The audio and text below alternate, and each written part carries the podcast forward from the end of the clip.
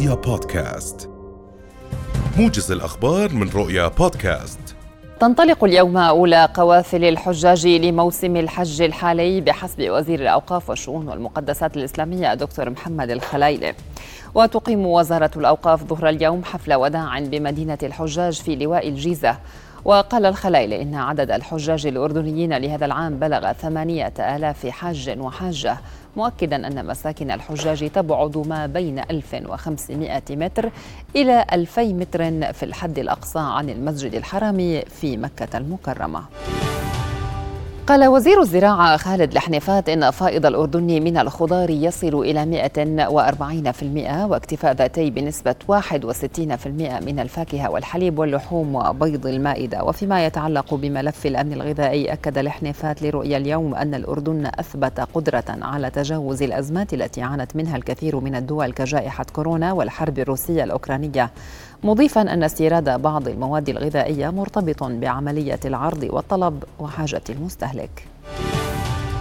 كشف أمين عام ديوان الخدمة المدنية المهندس مبارك الخلايلي أن إجمالي عدد الشواغل المخصصة لأوائل الجامعات يصل إلى 500 شاغر في أجهزة الدولة المختلفة.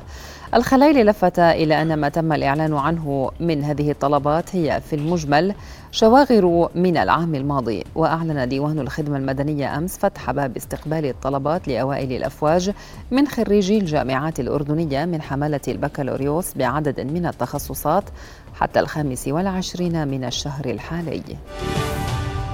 فشل مجلس النواب اللبناني اليوم وللمرة الثانية عشرة في انتخاب رئيس جديد للجمهورية. ولم يحصل أي من المرشحين المطروحين بقوة على الساحة السياسية وهما سليمان فرنجية وجهاد أزعور على العدد الكافي من الأصوات في الدورة الأولى في حين لم يتأمن النصاب لجولة ثانية. وحصل أزعور على 59 صوتا مقابل 51 لفرنجية بينما توزعت الأصوات الباقية ما بين الورقة البيضاء ومرشحين آخرين.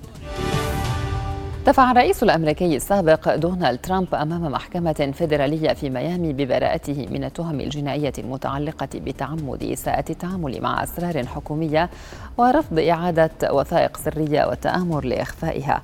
وهذه هي المرة الثانية التي يمثل فيها ترامب أمام محكمة لمواجهة تهم جنائية حيث وجهت له محكمة في مانهاتن قبل عشرة أسابيع تهما جنائيه على خلفية دفعه اموالا لشراء صمت ممثلة.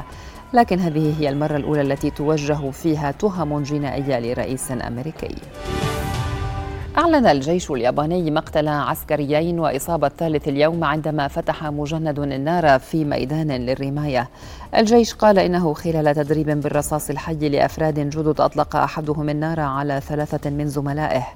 وأوضحت الشرطة المحلية أن مطلق النار يبلغ من العمر 18 عاما وهو مرشح للانضمام إلى الجيش مشيرة إلى أن جنودا آخرين قاموا بتوقيفه على الفور.